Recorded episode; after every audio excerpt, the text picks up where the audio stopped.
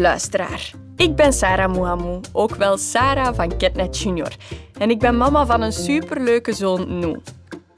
Dit is Sarah voor Ouders, de podcast over alle kleine en grote stappen die peuters en kleuters zetten. Ik ga in gesprek met Telicia Klai, ontwikkelingspsychologe bij Ketnet en mama van twee grote zonen, en krijg op die manier meer inzicht in de ontwikkeling van een kind. Er is ook de podcast Sokpops Eerste Keer en die is volledig op maat van kleuters gemaakt. Dag Telicia. Dag Sarah. In deze aflevering wil ik het heel graag met jou hebben over kleuters en slapen. Ah, oei oei. Ja. ja, daar gaan we niet toe komen met onze tijd. Daar zullen we wel wat duren voor nodig hebben om daaruit te geraken, denk ik. Dat denk ik ook. Maar het is uh, nogal een veel besproken onderwerp. Maar ik wil het vandaag hebben over uh, kleuters die ergens gaan slapen. Dus uh, als je kleuter gaat logeren. Hè. Als baby bijvoorbeeld sliep uh, Noor regelmatig bij mijn mama, zijn oma. Maar dat was dus vooral als baby, toen hij zich er eigenlijk nog niet zo bewust van was. Maar nu op dit moment, nu dat Noor ongeveer 4, 5 jaar is, is dat niet iets dat hij regelmatig doet. Hij is bijvoorbeeld ook nog nooit bij een vriendje of vriendinnetje gaan slapen. Dus ik vraag me af, hoe ontwikkelen kleuters zich op vlak van slapen? Ja, ik denk dat het eerst belangrijk is dat we stilstaan bij slaap aan zich en het belang van slaap bij kinderen. Dat is een vrij complex proces, hè, slapen, maar wel heel belangrijk. Hè. Tijdens de slaap doen we energie op. Slaap werkt herstellend voor de vermoeidheid van de dag, hè, puur lichamelijk. En we verwerken alle indrukken van de dag en ook de emoties van de dag tijdens de slaap. Dus slaap is voor kinderen heel belangrijk. Niet alleen voor de dingen die we net hebben opgenoemd, maar er zijn ook nog een aantal andere functies. Bijvoorbeeld de groei van ons lichaam en de hersenen. Daar, ook daarvoor is slaap vrij belangrijk. Kinderen die niet voldoende slapen, kunnen een groeiachterstand ontwikkelen.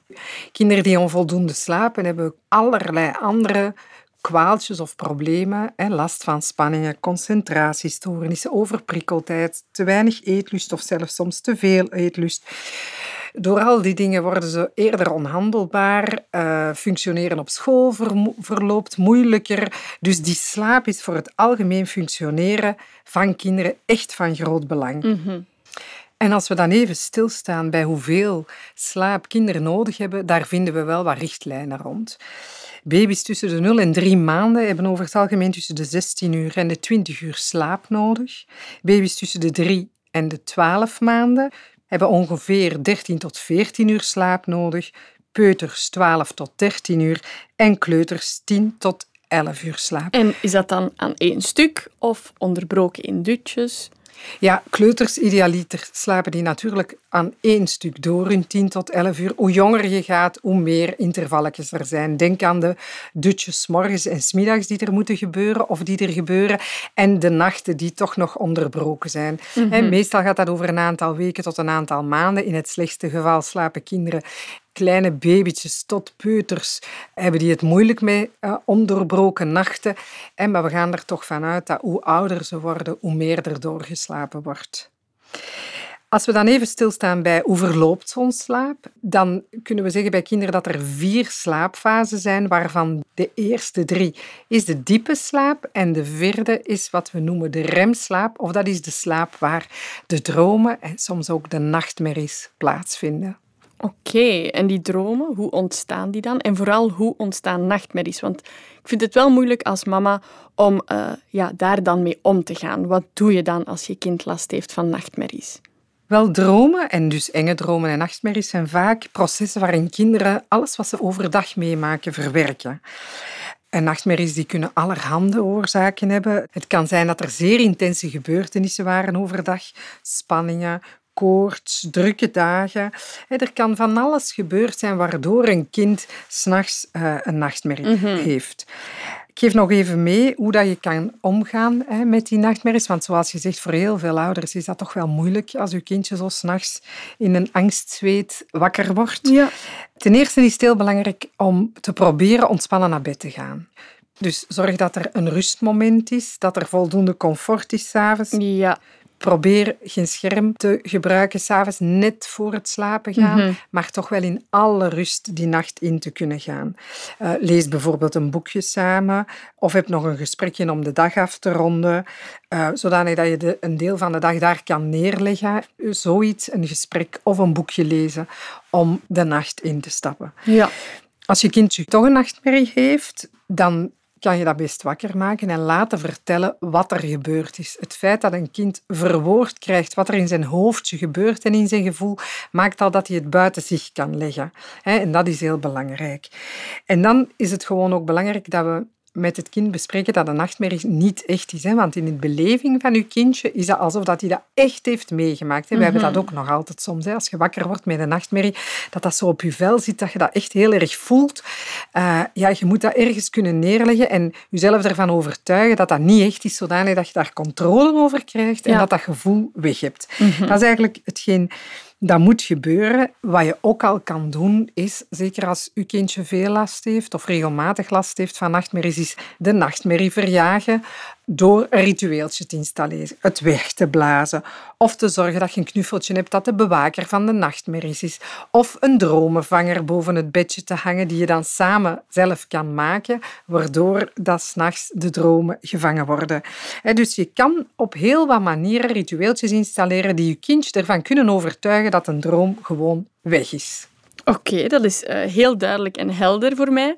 Mocht Noe nu in de toekomst toch eens blijven slapen bij een vriendje, hoe pak ik dat dan het best aan? Hij is het dus voor alle duidelijkheid helemaal niet gewend van dat te doen. Ja, een nachtje gaan logeren ergens is natuurlijk heel gewoon, heel normaal. Maar als je kind dat nog nooit gedaan heeft of dat niet bewust gedaan heeft, hè, te klein was om het zich nog te herinneren, en zo dat als een eerste keer ervaart, dan is dat toch wel heel spannend. En dan is een goede voorbereiding op dat logeren al half gewonnen. Nu, hoe doe je dat? Je kan dat doen door bijvoorbeeld op tijd aan te geven dat je gaat logeren. Hè, bij oma en opa bijvoorbeeld. Uh, geen maand op voorhand, maar een weekje op voorhand aangeven. Dan ga jij bij oma en opa logeren of bij een vriendje. Dat jouw kindje weet waar die voor staat en wanneer dat, dat dan gaat gebeuren. En dan kan het zijn dat, er, dat hij daar licht over gaat, of het kan zijn dat hij heel wat vragen heeft. Waarom moet ik daar gaan logeren? Wat gaan jullie doen? Wanneer komen jullie terug? Wat gaat daar dan gebeuren? En zo verder. Allemaal vragen waar je best zo luchtig mogelijk op antwoordt, zodanig dat de ongerustheid van jouw kleuter een stukje weg hebt en dat hij een antwoord heeft waarmee hij kan gaan logeren. Je kan ook altijd een boekje uit de bibliotheek lenen of kopen of luisteren naar de podcast Sarah Sokpops. Ja. Eerste keer logeren. Voilà. Op die manier kan je samen je kleuter voorbereiden op dat logeerpartijtje en de spanning een stukje wegnemen.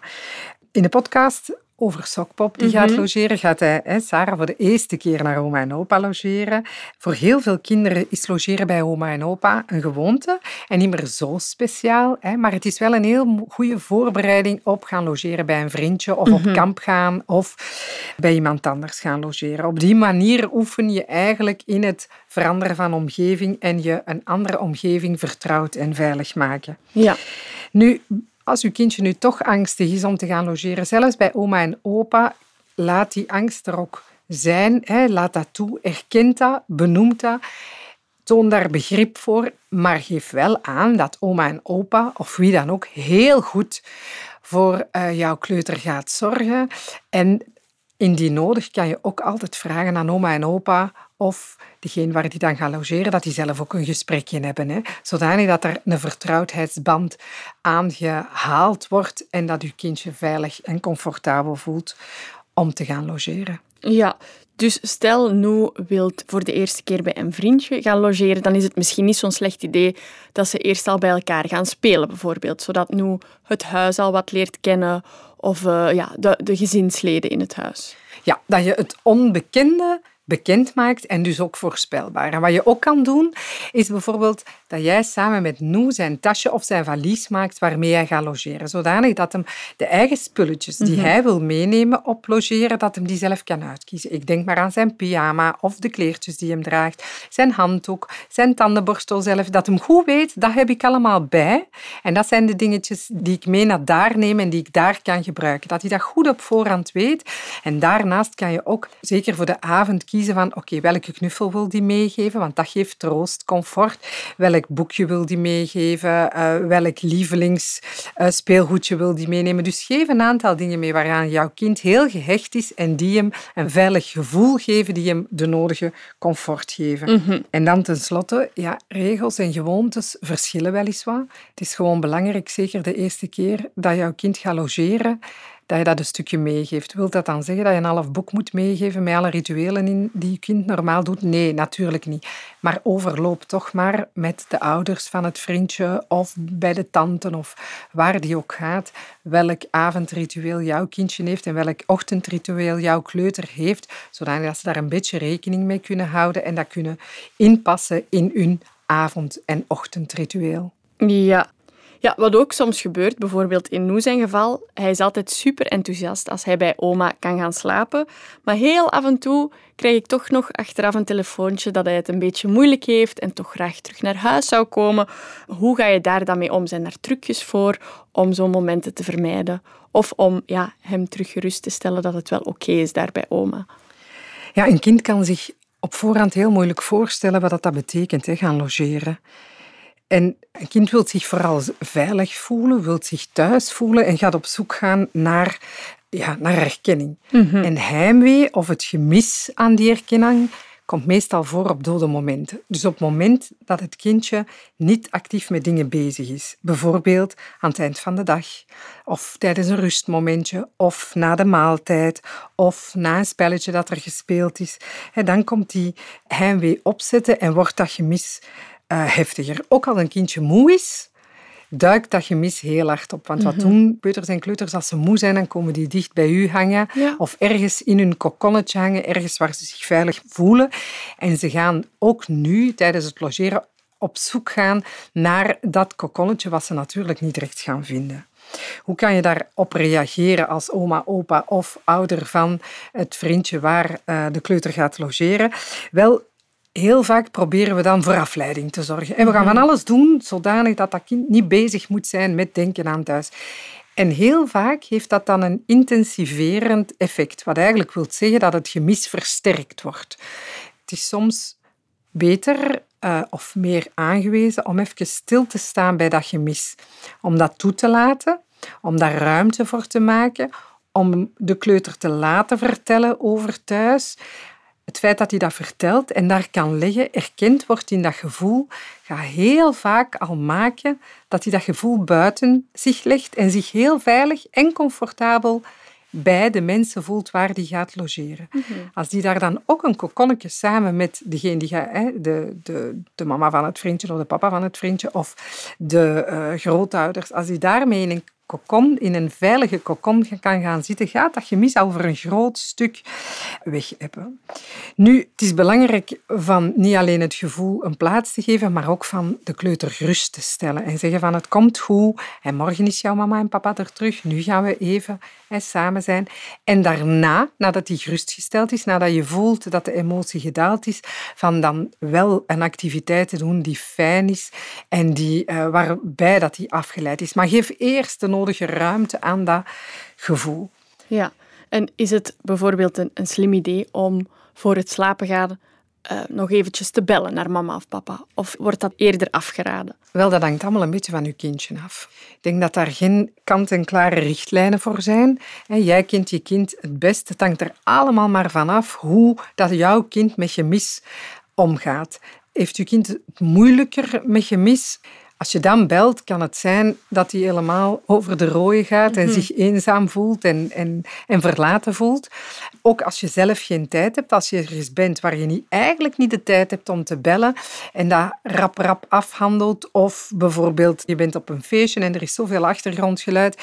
Ja, een kind kan ook niet vatten waar jij bent. Hè. Die Nee. kan dat niet vatten en die kan die geluiden ook niet vatten, waardoor dat, dat voor het kind zelf heel onaangenaam wordt. Dus je moet zelf een beetje inschatten. Heb je het gevoel van, ja, mijn kind wordt daar rustig van. Mhm. En het feit dat ik bel, geeft een betrokkenheid en gaat die geruststellen. Wel, bel dan gerust. Hè? Dus jij kent jouw kind het best. Schat je kind in van hoe gaat hij reageren op gemis en hoe gaat hij reageren als ik dan bel en heb ik voor mezelf de tijd en de ruimte om te bellen. Als die voorwaarden allemaal voldaan zijn, in, in functie daarvan kan je beslissen of je belt ja of nee. Oké, en stel, uh, Nu gaat bijvoorbeeld bij een vriendje slapen en het valt helemaal tegen. Het is één groot drama. Kan hij dan nog ooit een keertje gaan logeren? Kunnen we dat nog goed maken daarna? Ja, ik denk het wel, Sarah. Gelukkig, hè? Maar logeren moet je ook leren. Dat is een proces dat je moet leren en heel vaak lukt dat gewoon niet de eerste keer. Zoals zoveel dingen niet lukken de eerste keer. Ja. Stel nu dat jouw kind heel enthousiast is om te gaan logeren en dat het dan toch wel eens een keertje misloopt, dat hij toch angstig is, niet in slaap geraakt en daarna niet meer wil gaan. Wel, oké, dan laten we dat even zo. Forceer je kind ook niet om direct terug te gaan logeren. Je moet het wel blijven aanbieden, denk ik. Je moet het wel blijven voorstellen tot hij zich sterk genoeg voelt om het dan toch nog een keertje uit te proberen. Maar forceer het zeker niet. En dan denk ik is het heel belangrijk om te laten vertellen. En door te vertellen verwerken we heel veel dingen. Dus laat je kind ook vertellen van wat er gebeurd is en vooral hoe die, hoe die zich voelde en, Mhm. en waarom dat, dat dan niet overging en waarom hij jou miste en zo verder. Ja. Beluister ook nog eens de podcast hè, van Sokpop die voor de eerste keer gaat logeren. Dat gaat heel veel erkenning geven. Gebruik dit ook hè, als opening om een verder gesprek te hebben. Kijk ook of uw kind tussen de lijnen door in zijn spel een aantal dingen wel of niet zegt waarmee je aan de slag kan. En er is nog iets dat ik wil zeggen en wat ik echt wel belangrijk vind, is logeren is ook een manier om zelf een beetje op adem te komen als ouder. Hè? Ja, absoluut. Voilà. Dus ik denk ook dat je naar jezelf daarin moet luisteren op twee manieren. Dus voor wie was het logeren moeilijk? Want hè, de eerste keer dat u kleuter of uw peuter gaat logeren is voor uzelf ook niet altijd even gemakkelijk. Dus sta ook stil bij uw eigen gevoel van hoe voel jij je erbij als uw peuter of kleuter gaat logeren en probeer uw gevoel ook niet over te dragen op uw peuter of kleuter. En dan gun u ook zelf de nodige time-outs. Gun jezelf dat, maar ook jij als koppel, als je een partner hebt, eh, gun jullie de time-out om terug iets met je twee te doen of jijzelf iets voor jezelf te doen. Dus logeren heeft heel wat voordelen voor je kleuter. Hè. Leert daar ook andere vaardigheden mee, sociale vaardigheden, zelfredzaamheid en zo verder. Ja. Maar heeft ook wel wat voordelen voor jou als mama of papa of opvoeder om zelf tot rust te komen. Het is een beetje zoals in een vliegtuig. Hè. Zet eerst zelf je masker op voor je het masker bij je kinderen opzet. Hè. Zorg Ja. eerst goed voor jezelf en dan gaat het veel makkelijker zijn om ook voor je kind te zorgen. Ja, dat is een hele mooie en heel belangrijke vergelijking. En ik denk dat we wel kunnen stellen, slaap is echt alles. Hè? Ja, Sarah, dat klopt inderdaad. Ik zit in een fase met mijn twee grote jongens dat ik eh, de middag moet afwachten Oh, tot ze zelf uit hun bed komen. Dus je ziet slapen en heel lange ochtenden. Het komt allemaal terug. oké. Gelukkig maar. Ja, gelukkig maar. Dank je wel voor je komst, Elitja. Heel graag gedaan, Sarah.